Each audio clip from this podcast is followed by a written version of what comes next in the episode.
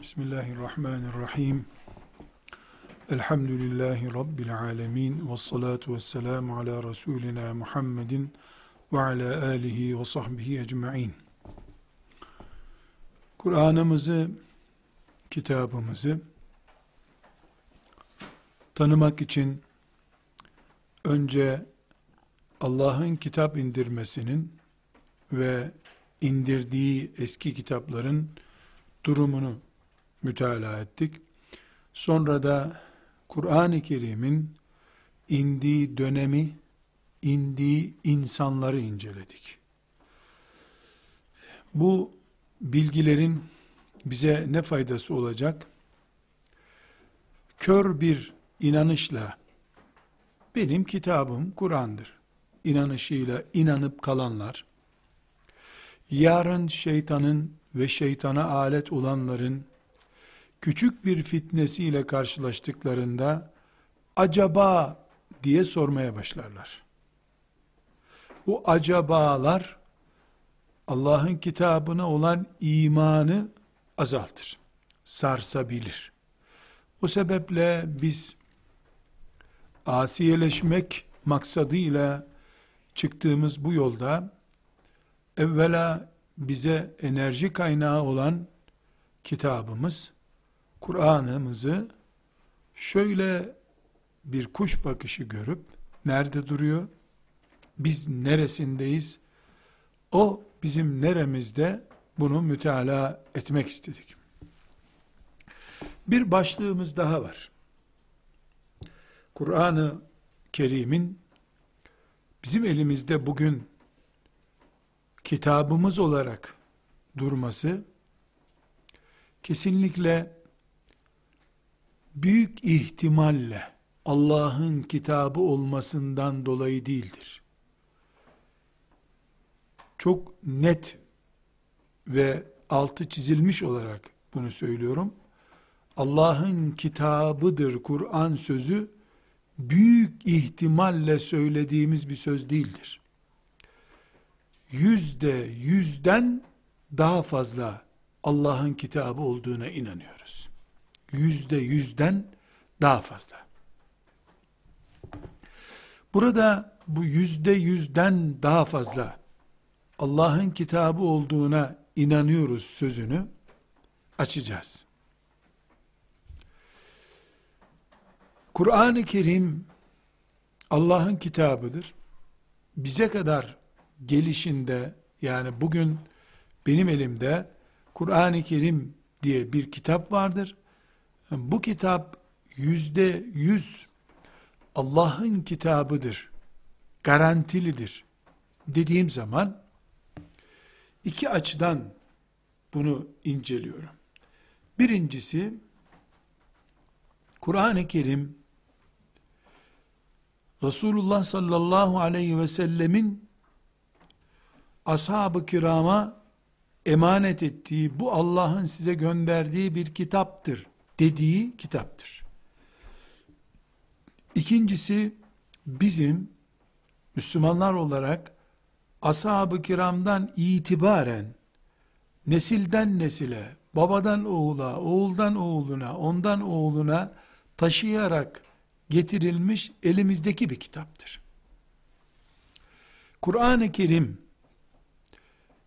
iki açıdan Allah'ın kitabı olup olmayacağı konusunda şüphe taşıyabilir. Birincisi, Kur'an-ı Kerim'i Resulullah sallallahu aleyhi ve sellem Efendimiz ashab-ı kirama emanet ederken Allah ona böyle bir kitap göğsüne indirmediği halde bu Allah'ın kitabıdır demiş olabilir mi? İkincisi bize gelinceye kadar 14 asır yol geçirmiş. Bu 14 asırlık zaman zarfında Kur'an-ı Kerim'e ilave eksiklik yapılmış olabilir. İki şey ne kadar garanti ise Allah'ın kitabı olduğu da Kur'an'ın o kadar garantisidir. Birincisi Resulullah sallallahu aleyhi ve sellem Efendimiz bu kitabı Allah size gönderdi derken ne kadar garantili söylemiştir. İkincisi Allah'ın kitabı olarak ashab-ı kiram bir sonrakine, onlar bir sonrakine, onlar bir sonrakine bu kitabı taşırken bir taşma, dökülme olmuş olabilir mi? Birinci noktayı ele alalım. Resulullah sallallahu aleyhi ve sellem Efendimiz, bu Allah'ın size kitabıdır dediği zaman, Cebrail bunu bana verdi, bunu Ce Cebrail göğsüme okudu dediği zaman, ne kadar güvenli, bizim için ne kadar teminatlı. Yani ortada vahye ne kadar itimat edeceğiz sorusu var demektir. Kur'an-ı Kerim bir kere ümmi bir peygambere inmiştir. Peygamber aleyhisselam ümmidir. Ne demek ümmidir? Okuma, yazma bilmeyen birisidir. وَمَا كُنْتَ تَدْرِي mel kitab. Kitap nedir? Sen bilmiyordun diyor Allah Teala. Kütüphanesi olmayan, evinde kitabı olmayan bir peygamber, bu Allah'ın kitabıdır demiştir. Kendisi kitap yazan birisi olsaydı, peygamber sallallahu aleyhi ve sellem Efendimiz, ihtimal insanların bu kendi düşünceleridir diyebilirlerdi. Ama her halükarda ümmi bir peygambere kitap indirilmiştir. Bu kitap 40 yaşından itibaren peygamber sallallahu aleyhi ve selleme indirildi. 40 yaşına kadar o güvenli bir insandı. Yalan, zulüm, haksızlık, menfaatçilik gibi insanda bulunabilecek arızalar onda hiç görülmemişti. Her şeyden evvel Peygamber Efendimiz aleyhisselam güvenli bir insandı. İki, bu kitapta yani Kur'an'da onun kişisel menfaatini gerektirecek şeyler yok. Binaenaleyh kendisi için bir kitap yazma iddiası tutarlı değil. Tam aksine Peygamber aleyhisselam efendimizin azarlanır gibi olduğu veya yanlışının düzeltilir olduğu ayetler var içinde. Bu ayetlerden bir tanesi de inşallah tefsirini okumaya çalışacağımız hareminde yürüyeceğimiz Tahrim suresinin ilk ayetidir. Ya eyyühen nebiyyü lime tuharrimu ma ahallallahu lek ayeti Peygamber aleyhisselama sorgulama yapıyor. Niye sen böyle yaptın ey peygamber diyor. Ondan daha ağırı abese ve tevella en ca'ehul e'ma ayetidir. Ondan biraz daha ağırı afallahu ank lime ezinte lehum ayetidir. Allah seni affetsin. Niye onlara izin verdin? Ayetidir. Tövbe suresinde. Ondan biraz daha ağırı Rabbin daha önce seni affedeceğine dair söz vermeseydi diye Bedir'den dolayı verdiği kararı Efendimiz sallallahu aleyhi ve sellemin tartıştığı konuyu Allahu Teala'nın razı olmadığını anlatan ayettir. Anlaşılıyor ki bir insan kendi kitap yazacak olsa o kitapta kendisine ait hataların düzeltildiği paragrafları tutmaz herhalde. Resulullah sallallahu aleyhi ve sellem Efendimiz Kur'an-ı Kerim'i Allah'tan aldı. Allah ona ne öğrettiyse onu öğretti. Bunun belgelerinden biri yani Allah'tan olduğuna dair belgelerden biri kendisini e, tenkit eden veya öyle değil böyle olması gerekir diye içtihatlarını düzelten ayetlerin Kur'an'da bulunmasıdır dedik.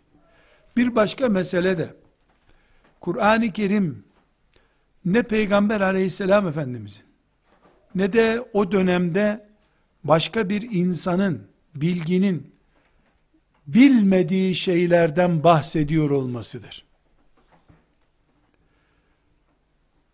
Adem aleyhisselamdan, cennetten, cehennemden, peygamberlerin hayatından, zulüm yapan kavimlerden, Firavundan ve benzeri pek çok konudan haberler vermektedir. Uzaydan, gök cisimlerinden, derelerden, suların oluşmasından, yani coğrafya bilgilerinden haberler vermektedir. Bunlar, Peygamber sallallahu aleyhi ve sellem gibi ümmi, okuma yazma bilmeyen birisinin değil, o dönemin bilgin kabul edilenlerinin dahi bilmediği şeylerdi. Bu konular o dönemin ufak tefek bilgisine sahip olanlar tarafından test edilmişti. Mesela en basit örneği dönemin Yahudileri, o dönemin Yahudileri e, Musa aleyhisselama ait ya da kendi dinlerine ait şeyleri biliyorlardı. Ama Peygamber aleyhisselam Efendimiz Musa aleyhisselam hakkında bir şey bilmiyordu. Mekke'de de kimse bilmiyordu. Mekke'de inen ayetler Musa aleyhisselamı anlattı. Kavmini, Firavun'u anlattı. Haman'ı, Karun'u anlattı. Medine'de, Yesrib'de o zaman Yahudiler vardı. İnen ayetleri onların kültürüyle müşrikler karşılaştırdılar. Onların ifadesiyle bizim Muhammed böyle bir şey diyor. Doğru mudur diye sordular. Onlar evet bizim Tevratımızda böyle şey var dediler. Demek zorunda kaldılar. Peygamber aleyhisselamın hayatında Tevrat görmediği, okumadığını da bildikleri için bu bunları doğru söylüyor dediler. Kur'an-ı Kerim'in Allah'tan indirildiği gibi Peygamber aleyhisselamın göğsünde yerleştiğini, ondan ashab-ı kirama Allah'ın kitabı olarak intikal ettiğini belgeleyen şeyleri konuşuyoruz. Bunlardan bir tanesi de bir önceki dersimizde zikrettiğimiz o döneme ait dil üstünlüğüne Kur'an'ın meydan okumasıdır. Çünkü hatırlarsanız demiştik ki o dönemde insanlar okuma yazma oranları sıfıra yakın. Sıfıra yakın okuma yazma bilen var. Ellerinde kitap yok, kalem yok, defter yok. Ama şiir yarışmaları yapıyorlar. Edebiyat yarışmaları yapıyorlar. Hatta meşhurdur Ukaz Panayırı diye bir panayırları var. Bu panayırda yaptıkları edebiyat yarışmaları, sanat yarışmalarında dereceye girenlerin eserlerini, sanat eserlerini yazı olarak, nesir olarak e, tuttular, Kabe'nin duvarına astılar. Sanat eseri olarak. Bu Allah'ın o toplumu Kur'an'ın geleceğine hazırlamasıydı bunu anlayamadılar. Peygamber aleyhisselam efendimizin geleceği dönemde edebiyatın bu kadar ileri olması Kur'an'ın edebiyat üzerinden Peygamber aleyhisselama Allah'ın indirdiği bir kitap olduğunu belgelemeye hazırlıktı. Çünkü Kur'an-ı Kerim Arapça indi. O toplumda Arapça konuşuyordu. Ama Arapça bakkaldan bana şunu ver diyecek kadar konuşma değildi onlarda. Cümlemi tekrar söylüyorum. Arapça üzerinden yani dil üzerinden sanat yarışmaları, panayırlar, fuarlar yapacak kadar yetenekleri vardı. Deyim yerindeyse dil kabiliyeti, edebiyat ve güzel dil kullanma mesela 500 puansa bunlar 500 puanı zorlayıp yukarı çıkmışlardı. Düşünün mesela üniversite imtihanlarında en üst puan 500. Bir öğrencinin 550 puan aldığını düşünün. En iyi okula 500 puanla giriliyor. Bu öğrenci 550 puan alıyor. 600 puan alıyor. Yani barajları zorluyor. Kur'an Arapça bir kitap. Arap topluma iniyor. O toplum Arapçayı en üst düzeyde kullanıyor. Bunun sonucu ne? En üst düzeyde Arapçayı edebiyat yeteneğiyle kullanan binlerce insanın ortasında okuma yazma bilmeyen ve yetim büyümüş bir çocuk bir kitap getiriyor. Bu kitap o getirdiği kitap Arapçayı barajın üstünde denecek düzeyde üstün yetenekle kullanan bir neslin ortasında okunuyor. Onlar koltuklarına yaslanmış vaziyette bizden iyi Arapça bilen olmaz diye düşünürken okuma yazma bilmeyen birisi bir ayet okuyor, bir sure okuyor, donup kalıyorlar. Bu Kur'an'ın indiği toplumun üzerine gösterdiği bir mucizesidir. Peygamber aleyhisselamın en büyük mucizesi de Kur'an-ı Azimuşşan'dır. Çünkü Arapça konusunda deha ve o zamanın en büyük otoritesi olan şahsiyetler Kur'an'ın Arapçasının bir insan Arapçası olmadığını beyan etmek zorunda kaldılar. Mesela şöyle bir olay nakledilir. Müşrikler kendi aralarında toplanıyorlar Mekke döneminde. Yahu bu Muhammed'i nasıl susturabiliriz? Mugire isimli birisini diyorlar ki senin Arapçan çok güçlü. Bir git şu Muhammed'in Arapçasını sustur diyorlar. Şimdi siz tabi e, ne var la herkes Arapça konuşuyor diye düşünüyorsunuz. Ama buna cevap veriyorum öyle değil. Şimdi hepimiz Türkçe konuşuyoruz. Niye Türkçe'de 40 doğru yapamıyor 40 soruda öğrenciler. İmla hatası yapıyor. Kelimenin tam anlamlarını bilmiyor. Edebiyat fakültesinde okuyan da, ilkokulda okuyan da Türkçe'de zorluk çekiyor. Ana dili, baba dili fark etmiyor. Ayrıntısını bilmiyorsun. İmla hatası yapıyorsun. Kelimeye coşmuş bir anlam yükleyemiyorsun. Arapça için de aynı şey geçerli, İngilizce için de aynı. Shakespeare denen bir adam var. İngilizce onun standartlarında ölçülüyor. Ne kadar İngilizce biliyorsun deniyor. Shakespeare'in şu kadarında bu kadarında deniyor. Her dilde böyledir. Yani bir dili anne dili olarak öğrenmek o dilin tam uzmanı olmak demek değildir. Arapçayı da onlar çok iyi biliyorlar. Bir kısmı Arapçada deha bir adam. Bu Muhire denen Gidiyor Efendimiz sallallahu aleyhi ve sellemi Kur'an okurken dinliyor. Onlar da onu gönderdikleri zaman Muire Muhammed'in işini bitirir. Ya tamam diyorlar. Mağlup eder onu.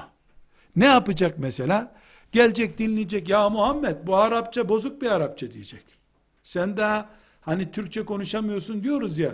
Sen daha Türkçe öğrenemiyorsun be. Türkçe imla hata, virgül nereye konur bilmiyorsun diyoruz. Aynı şekilde ya Muhammed sen Arapçayı düzgün bilmiyorsun diyeceğini bekliyorlardı. Dönüp geliyor. Ne yaptın diyorlar. Aynen şu cümleyi kullanıyor. Yahu şair diyeceğim şiir değil bu diyor. Kahin diyeceğim. E ben kahinler ne yapar bilirim kahin de değil. Bu adamın konuştukları insan sözü değil diyor. Arapçanın zirvesinde, barajın üstünde güçlü bir en yüksek puanın üstünde daha puanı olan birisi bu adamın yani sallallahu aleyhi ve sellem Efendimiz'i kastediyor. Bu adamın konuştuğu şey insan sözü değil diyor. Yahu sen de mi sapıttın Muhammed'e iman ettin diyorlar. Yok canım ya dondum kaldım işte ne diyeceğimi şaşırdım diyor.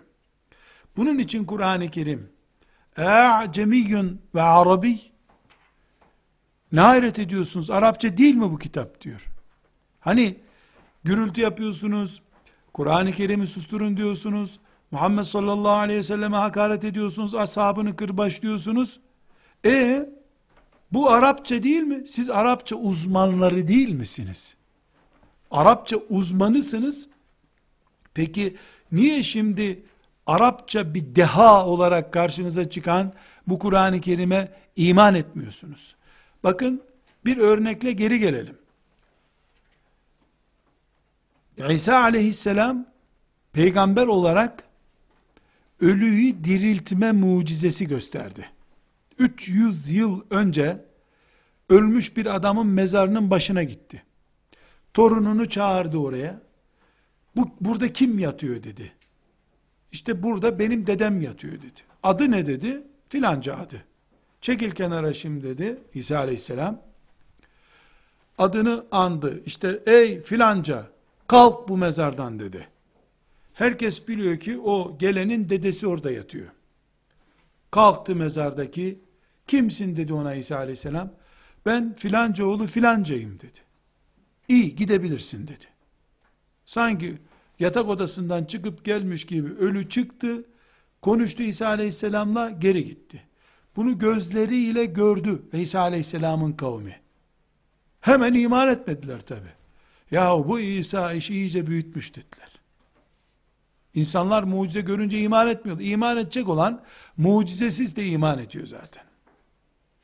Şimdi neden Allah İsa aleyhisselama bu mucizeyi gösterdi? Bir önceye gidelim. Musa aleyhisselamın mucizesi neydi? Bir bastonu vardı asası. Onu yere vuruyor su çıkıyordu. Yere atıyordu yılan oluyordu. Neden? Çünkü Musa aleyhisselamın zamanında sihir yapmak, büyü yapmak çok muteber bir meslekti. Musa aleyhisselam mucize olarak sihiri halt edecek, mağlup edecek bir mucize gösterdi onlara.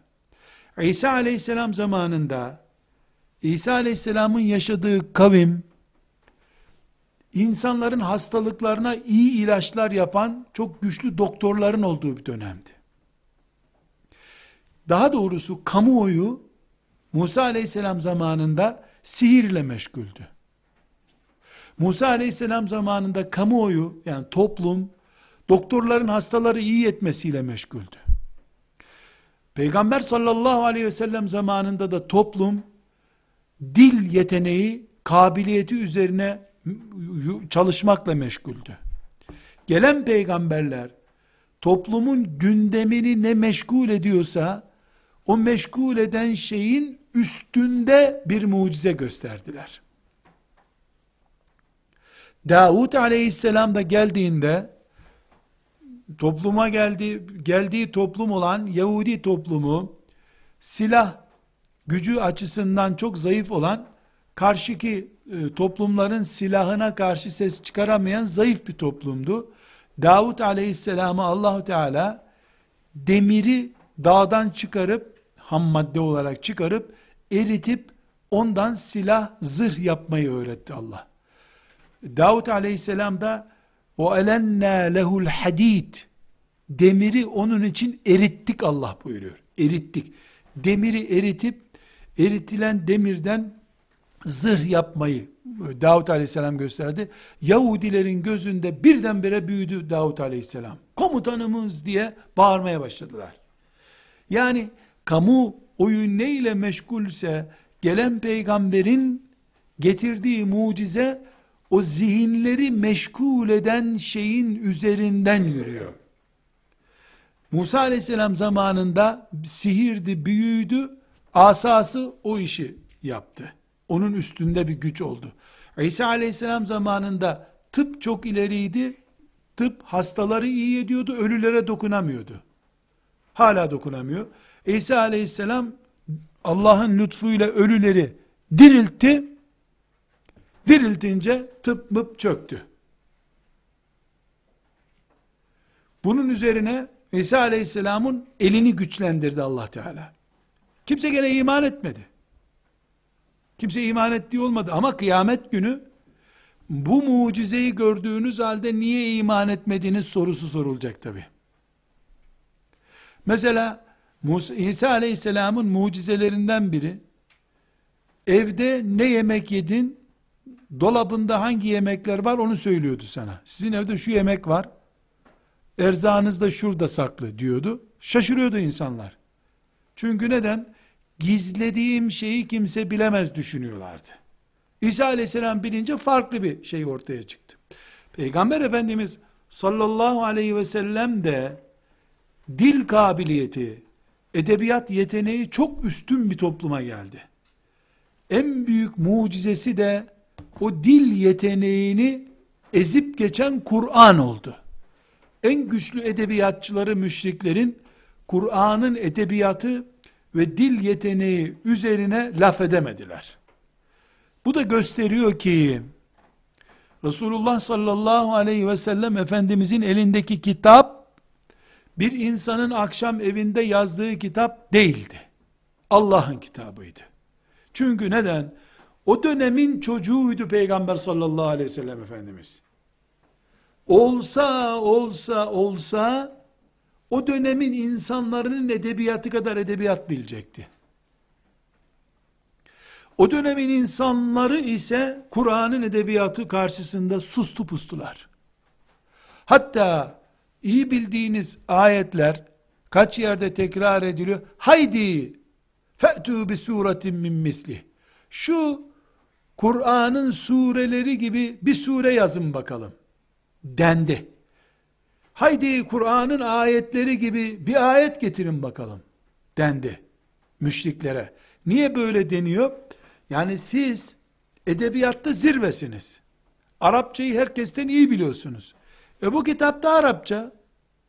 Madem ki bu kitabı Arapça olarak e, siz anlıyorsunuz, aynısını yapın bakalım dendi. Hiçbir edebiyatçıları tutup da ben Kur'an'ın aynısını yaparım diyemedi.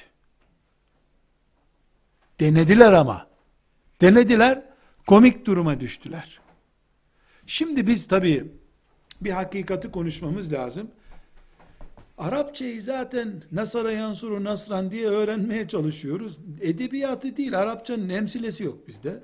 Dolayısıyla bu yarış niye oldu, nasıl oldu anlayamıyoruz. Bunu uzmanları arasında, o toplumun kamuoyunu çalkalayan bir kavram olarak Arapça belagatı, edebiyatı üzerinde anlayışı olanlar açısından baktığımızda bunu anlayabiliriz. Bir başka özelliği, Kur'an-ı Kerim geldiğinde şimdi bazı Müslümanların anladığı gibi sadece nasihat eden, öğüt veren, peygamberlerin hayatlarını anlatan bir kitap olarak gelmedi.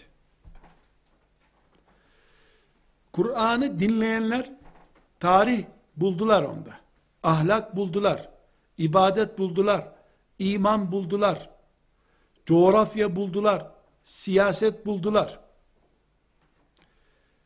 Bir insanın hayatın her alanında her şeyi açıklayabilecek yetenek sahibi olması mümkün değil. Bu muhakkak insan eseri değil, insanı yaratanın eseridir dedirtti. Kur'an-ı Kerim'in konuları. Bu ve benzeri ilave edilebilecek başka sebeplerin toplamından iki bölümlük endişeli olabilecek dediğimiz iki bölümlük sorumuzun birinci bölümünü karşılamış oluyoruz. Yani ne dedik? Peygamber sallallahu aleyhi ve sellemin gerçekten bunu Allah'tan alıp almadığı konusunda bir tereddüt olabilir mi? Bunun cevabını verdik. İkinci sorumuz, Peygamber sallallahu aleyhi ve sellem bunu güvenli bir şekilde aldı Allah'tan. Allah ile Cebrail arasında, Cebrail ile Peygamber aleyhisselam arasında iletişim sorunu yok. Sağlam geldi. Ashab-ı kiram, Peygamber sallallahu aleyhi ve sellem'den bunu teslim aldılar. Peki, defter yok, kalem yok, MP3'e, videoya kaydedilmemiş. Bu Kur'an, bize sağlam nasıl geldi? Sorunumuz bu. Ya da bir mümin olarak ben bugün sabah namazında Fatiha-i Şerife'yi okurken veya öğlen namazını camide beklerken iki sahife Kur'an okuyayım diye Kur'an okurken binde bir bile olsa milyonda bir bile olsa yahu bu kelime acaba Kur'an'a sonradan girmiş olabilir mi diye bir tereddüt taşımıyorum elhamdülillah. Yüzde yüz diyeceğim, bana çok düşük geliyor bu rakam. Binde bin diyeceğim, o da bana bir basit geliyor, rakam büyüdüğü halde. Milyonda milyon garantili bir kitap okuyorum ben. Tamam, Peygamber aleyhisselam güvenli bir adam, güvenle teslim etti. Muaviye çalmış olamaz mı bu ayetten mesela bazılarının dediği gibi? Radıyallahu anh. Veya gelirken Selçuklular e, taşırken kütüphaneyi iki sureyi düşürmüş olamazlar mı? Veya harf inkılabı döneminde İstanbul'da Kur'an-ı Kerim'den bir sure çalmış götürmüş olamazlar mı? Hayır. Olamazlar. Peki ne kadar güvenli bu garantili benim olamazlar. Kur'an Medine'de Resulullah sallallahu aleyhi ve sellem Efendimizin vefat ettiği pazartesi günü saat 9'da vefat ettiği dakikada ne idiyse Kur'an biiznillahi teala şu saatte de odur. Ne bir kelimesi fazladır ne bir kelimesi eksiktir. Böyle inanıyoruz. Bu inancımız meleklere inandığımız gibi midir? Bunu da kırmızı bir paragraf olarak kaydedelim. Neden? Çünkü ben meleklere iman ediyorum. Geçen hafta yaptığımız bir toplantıda meleklerin temsilcisi geldi. Kimlik kartını gösterdi. Baktık melek şu kadar üyemiz var dedi. Biz de o kadar melek olduğuna inandık. Böyle inanmıyorum ki meleklere ben. Ne gördüm, ne tuttum, ne oturdum, ne kalktım, ne resmini gördüm. Ama sanki yanımdakilerle tokalaşıyor gibi iman ediyorum. Elhamdülillah. Neden? Rabbim ina iman edeceksin dedi. Meleklere iman ettim. Belgele bakalım Mikail'in varlığını deseler bana. Ne belgesi? Allah böyle dedi. Kur'an'da böyle geçiyor. E tamam. E göster Mikail'in bürosu nerede? Niye bileyim? Yani elimde bana melekleri iman et diyen Kur'an'dan ve hadisi şeriflerden başka hiçbir belge yok. Olması da mümkün değil zaten. Akılla meleklerin varlığını ispat edemem ben. Biiznillahü Teala bu ispata hiç ihtiyacım olmaz. Ayrı bir konu. Ama noterden veya mahkemeden meleklerin varlığına dair belge getirmem mümkün değil. Bu meleklere iman tarzımız bizim. Teslim olun dedi Allah. Olduk ya Rabbi dedik. Fakat Kur'an'ın eksiksiz, fazlasız, Peygamber aleyhisselam Efendimiz vefat edip, hilafet Ebu Bekir'e teslim edildiği dakikada neydiyse, o günden bugüne aynı şekilde geldiğine iman ediyoruz. Bu imanımız da belgelidir. Maddi bir belge var elimizde. Bu maddi belge meleklerde yoktur. Dolaylı belgelerimiz var. Meleklere imanla ilgili. İşte yağmur yağıyor, bereket oluyor, işte filan ayette şöyle geçti, kabir azabında böyle var. Bunlar dolaylı belgeler. Kur'an-ı Kerim'de direkt belgem var. Allah'tan geldiği gibi olduğuna, herhangi bir şekilde Kur'an-ı Kerim'de bir tek kelimecik fazla veya eksik bulunmadığına. Bu da nedir? Tevatür belgesidir. Tevatür. Kur'an-ı Kerim bize tevatürle gelmiştir. Bu tevatür biraz sonra inşallah izah edeceğiz ne olduğunu. Bu tevatür herhangi bir videoyu izleyip e, videodan gözümüzle gördük. Denmesinden daha güçlü bir belgedir. Çünkü bütün dünya şu anda görüyor ki olmamış bir şey bile videoda var gibi gösterilebilmektedir. Mesela bir insanın otururken kalkarken videosu çekiliyor. 10 dakikalık bir videosu alınıyor. Ondan sonra o adamın otururken kalkarken videosu var. Yerken videosu yok mesela. Aynı adamın yerken de videosu devam ettirilebiliyor teknolojik olarak. Dolayısıyla hiçbir video görüntüsü yüzde yüzdür denmiyor artık. Sanal bir şekilde yapılabilmiştir. Yapılabilir deniyor.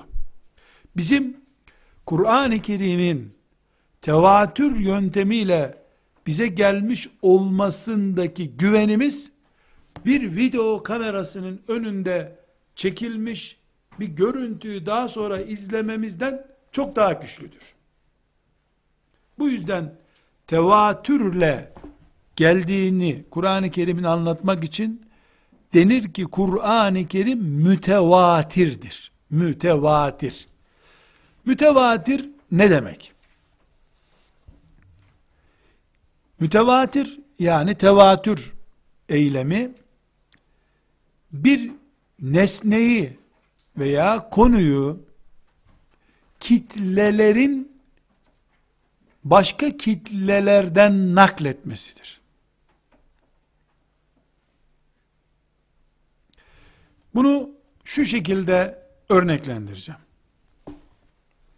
Herkes elime baksın. Açılmış bir gözlük. Açılmış bir gözlük. Kapatıyorum. Herkes buradan çıkıyor. Bir ay sonra buradaki yüz kişi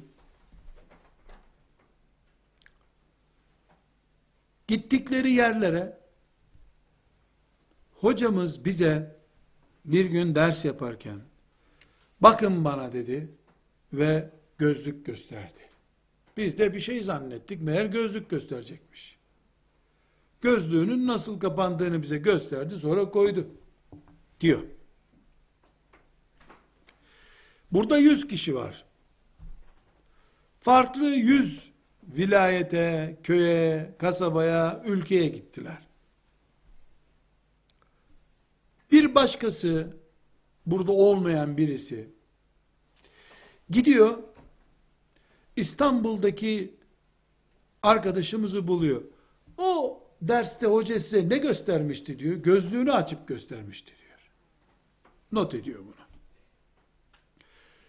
Başka bir vilayetteki birine gidiyor. Hoca size ne göstermişti diyor. Gözlüğünü göstermişti diyor. Ya size taktı mı o gözlüğü? Yok gösterdi sadece diyor. Buradaki yüz kişiyi birbirlerinden habersiz bir şekilde soruşturup hepsine tek tek soruyor. Hoca size ne gösterdi o gün? Gözlük gösterdi diyor. Burada iki seçenek var. Buradaki yüz kişi ben onlara gözlük gösterdiğim halde ya da kalem gösterdiğim halde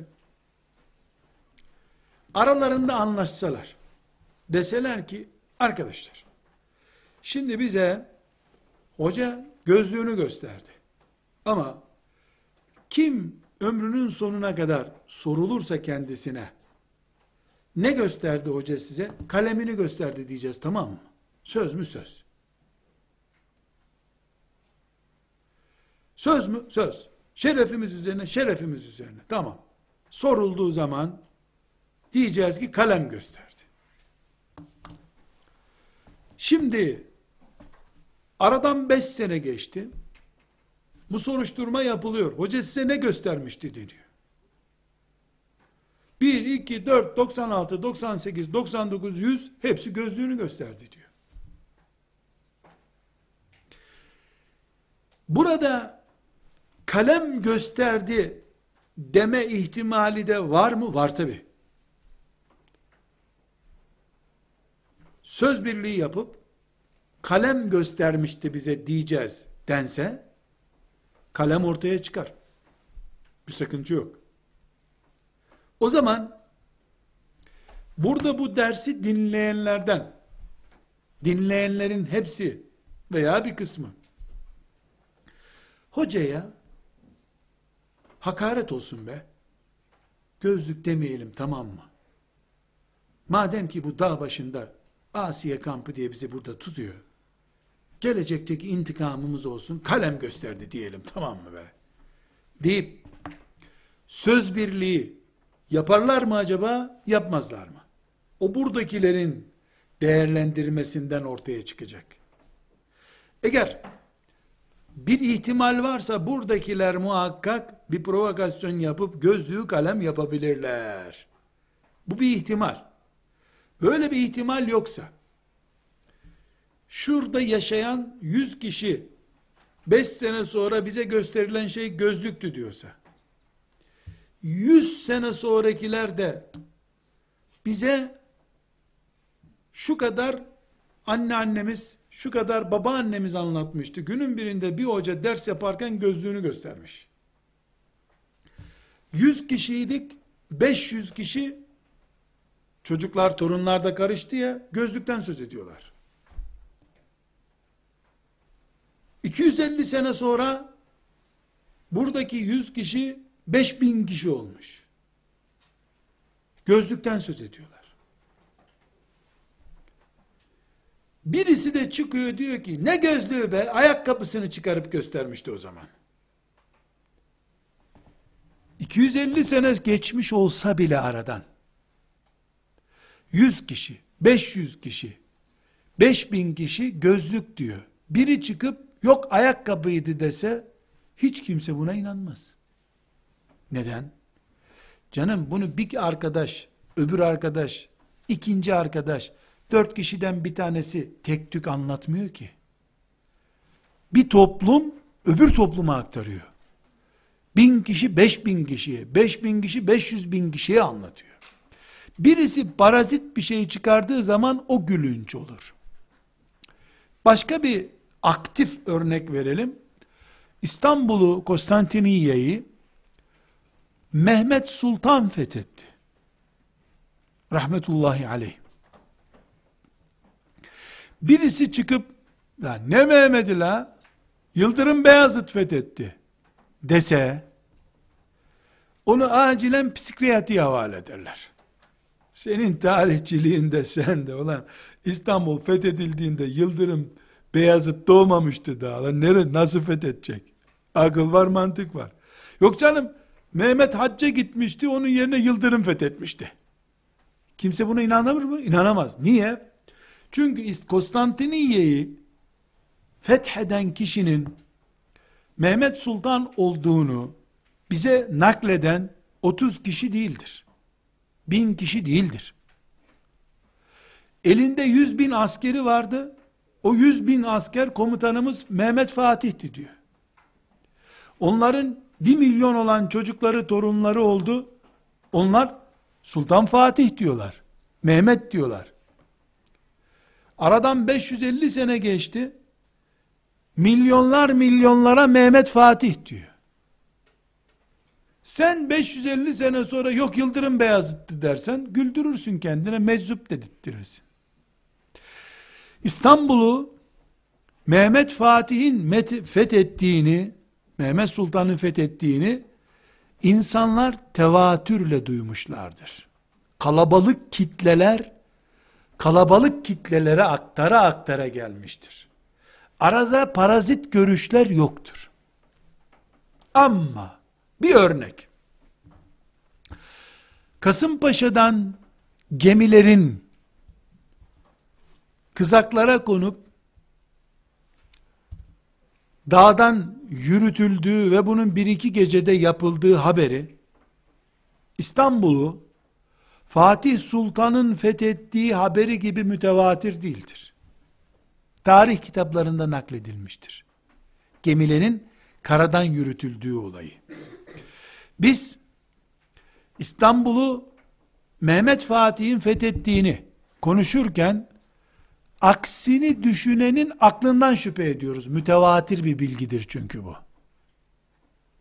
Kalabalık kitleler pürüzsüz bir şekilde bunu aktarmıştır. Bir tarihçi de çıkıp dese ki, benim yaptığım araştırmalarda gemilerin karadan yürütüldüğü olayı doğru görünmüyor. Dese, acaba diye tereddüt ederiz. Nasıl dersin böyle bir şey demeyiz.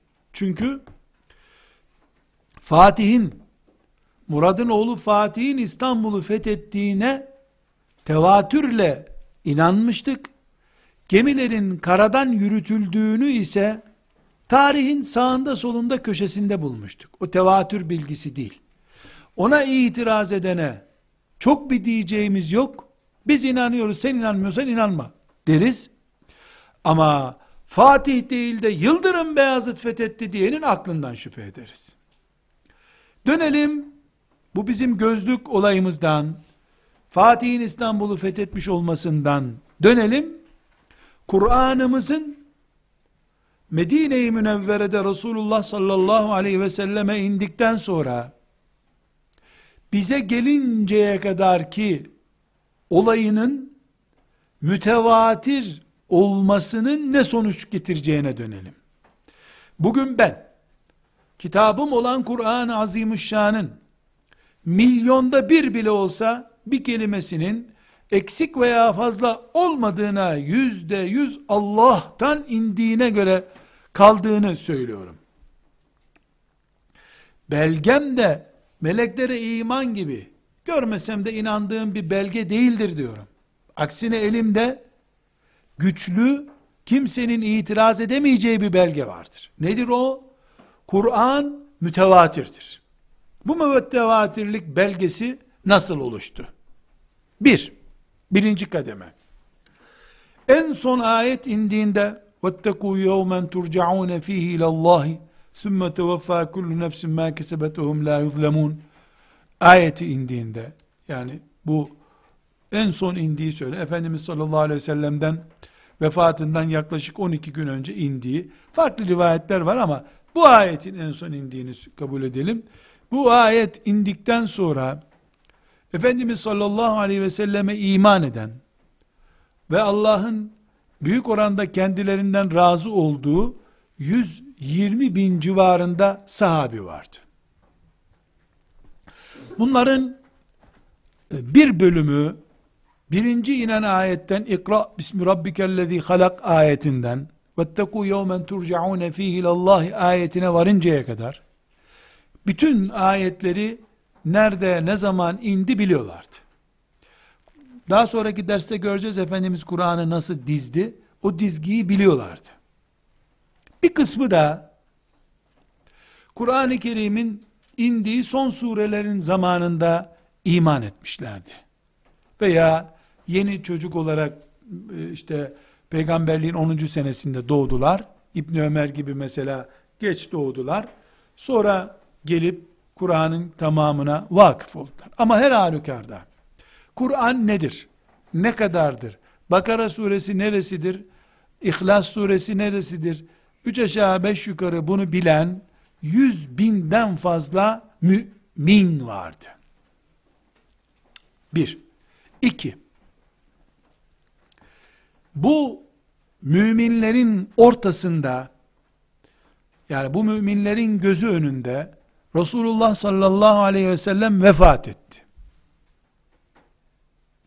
Resulullah sallallahu aleyhi ve sellem vefat eder etmez Kur'an'ın anahtarı kapatıldı. Vefat ettikten sonra ne bir kelime kondu ne bir kelime çıkarıldı Kur'an'dan. Binaenaleyh Allah'ın Kur'an'ı emanet ettiği peygamberin ruhu kabzedilince Kur'an'ın silinme yani bir kelimesinin silinme veya ilave edilme ihtimali yok. Böyle bir dedikodu dahi yoktur. Çünkü e, vahyin nasıl geldiğini bilen on binlerce insanın gözü ortasında Peygamber aleyhisselam vefat etti. Kur'an sapa sağlam bir şekilde onların önünde kaldı. Üç. Ebu Bekir radıyallahu anh'ın ümmetin halifesi olarak bu on binlerce Kur'an'ımızın inmesine şahit olan ve bir kısmının gözleriyle Cebrail aleyhisselamı farklı şekillerde gördüğü bu insanların gözü önünde Üsame bin Zeyd veya Zeyd bin Sabit estağfurullah Zeyd bin Sabit radıyallahu anh'ın başkanlığında bir komisyon farklı şekillerde farklı yerlerde duran Kur'an-ı Kerim'i bir kitap haline getirdi. Bunu halifeye getirip teslim etti. Şimdiki bildiğimiz Elhamdülillahi Rabbil Alemin diye başlayan minel cinneti ve nas diye biten Kur'an-ı Kerim'i bir araya yazdılar. Ebu Bekir'e getirip teslim ettiler. Komisyon Zeyd bin Sabit'in başkanlığında radıyallahu anhum cemiyan. Zeyd bin Sabit bunu nasıl topladı? Daha sonra göreceğiz inşallah. Ebu Bekir, ümmeti Muhammed'in başı olarak, kendisine teslim edilen bu Kur'an'ı kamuoyuna açtı. Deyim yerindeyse. Ne demek kamuoyuna açtı? Yani ey müminler, Allah'ın kitabının inişinin şahitlerisiniz siz. Ali bin Ebi Talip mesela her ayetin nerede ne zaman nasıl indiğini biliyordu. Büyük oranda Ebu Bekir Ömer biliyordu. İbni Mesud ilk Müslüman olan yedi kişiden bir tanesi. Biliyordu. Bu kadar büyük şahitlerin ortasında Allah'ın indirdiği bu kitapta bir eksiklik var mı? Zeyd bin Sabit'in yazdığı bu topladığı programda bir eksiklik var mı? Fazlalık var mı? Dendi. Bir sahabi çıkıp yahu benim bildiğim filan ayeti göremiyorum burada demedi. Yahut da bu ayeti ne zaman indirdi Allah biz hatırlamıyoruz demedi. Mesela Ali bin Ebi Talib'in itirazı çok önemli olurdu etseydi. Neden? Herkes biliyor ki ikra ayeti indiği günden itibaren Ali Efendimizin yanındaydı. Ali'nin bilmediği bir ayet olmaz. Ali'nin bildiği ayette Kur'an'dan çıkarılmaz. Ebu Bekir radıyallahu anha hiç kimse gelip Kur'an'da bir eksiklik bulunduğuna dair bir itirazda bulunmadı. Böylece ashab-ı kiram ki o gün sayıları 100 binin üzerindeydi. 110 binde olabilir, 130 binde olabilir. Ama 100 binden fazla, 100 bin kadınlı, erkekli, gençli, ihtiyarlı bir sahabi ordusu vardı. Tek bir kişi bir itirazda bulunmadan, Kur'an-ı Kerim'in bu kitap olduğuna icma ettiler. Ne demek icma ettiler? Yüzde yüz söz birliği ettiler demek. Eğer yüzde yüz değil de yüzde doksan sekiz filan olsa ittifak ettiler deriz. Söz birliği ettilerini aşağı düşürürüz biraz. İttifak eden çoğunlukla böyle olduğunu söylediler demek olur. Ama öyle değil. Yüzde yüz Allah'ın kitabı böyledir. Bir kelime eksik değildir, fazla değildir deyip icma ettiler. Burada tek bir şüphe kalabilir. Hani kalem ve gözlük ayrımı yapmıştık ya. Ashab-ı kiram yahu forsumuz düşmesin bizden sonrakilere bunu 114 sure diyelim canım. Aslında 65 sureydi ama 114 diyelim. Demiş olabilirler mi? Üçü beşi demiş olsa bile maazallah demiş olsa bile on binlerce sahabi Cebrail'i şu veya bu şekilde görmüş adamlar onlarca kere peygamberin yanında şehitlik zirvesine yaklaşmış ve geri gelmiş adamlar ümmeti Muhammed'i kıyamete kadar aldatacak böyle bir tuzağa girerler mi? Şeytan dese bunu inanır mı kimse? Belki biz yaparız. Belki değil. Memurluk uğruna fena değil bu teklif. Ey bir cuma hutbesi ayarlardık bu konuda biz. Çaktırmadan. İyi bir, iyi bir hutbe. 1925'ten 1950'lere kadar okunan 25 senenin hutbelerini bir görmek lazım arşivlerde. Ashab yapar mıydı böyle bir şey? Gözlük gösterdiği halde onlara Peygamber aleyhisselam kalem de bize gösterip diyebilirler mi? Burada yine kırmızı kalemle küçük bir not alalım. Ashab-ı kiramın şahsiyeti ve imanıyla ilgili bütün iftiralar ve suizanlar sonunda Kur'an'ın tevatürünün var olması veya yok olması yani kitabı şüpheli bir ümmet olmamız veya olmamamız sonucunu getirir. Burada kırmızı kalemli küçük bir dipnot olarak bunu koyduk. Ashaba dokunduğun an Kur'an'a dokunmuş olursun. Çünkü bahsettiğim süreçte Kur'an'ın bize gelmesinde birinci halka ashab-ı kiramdır. Onlar küflü ise avizemiz düşecek demektir. Ashab-ı kiram en az yüz bin kişi olarak Kur'an'ı bu şekilde Allah'ın indirdiğini Fatiha'dan Nas'a kadar 114 sure şu kadar ayet olarak ayarladılar. Şahit oldular. Hükmettiler, mühürlediler. Götürdüler Ayşe annemize yazılı nüshayı teslim ettiler. Bu sende kalsın dedi. Müminlerin anasısın, sana emanet olsun bu dedi. Yazılı nüsha, ana metin. İkinci kuşak, Onlardan bu şekilde Kur'an'ı ezbere aldı. Ama Kur'an yazılı değil hala. Bir tane Ayşe anamızın yanında var. Yemen'de okunan Kur'an, Basra'da okunan Kur'an veya Hatay'da okunan Kur'an, Mekke'de okunan Kur'an, herkesin hocasından duyduğu Kur'an. Kağıttan okumak hala yok. Sadece bir tane musaf var. O bir musafta Ayşe annemizin yattığı odada duruyor. Bu şekilde ortalama 20 sene sürdü. Bu 20 sene zarfında insanlar ağızdan kulağa Kur'an'ı taşıdılar. İslam toprağı Mısır, Yemen, Tunus toprakları Hazar denizine kadar yayıldı. Bütün buralarda insanlar Kur'an okudular ellerinde yazılmış bir nusa olmadığı halde, kitap olarak bulunmadığı halde, Yemen'de Bakara suresini okuyan, Mısır'da okuyan, Basra'da okuyan, Azerbaycan'da okuyan aynı Kur'an'ı okudu.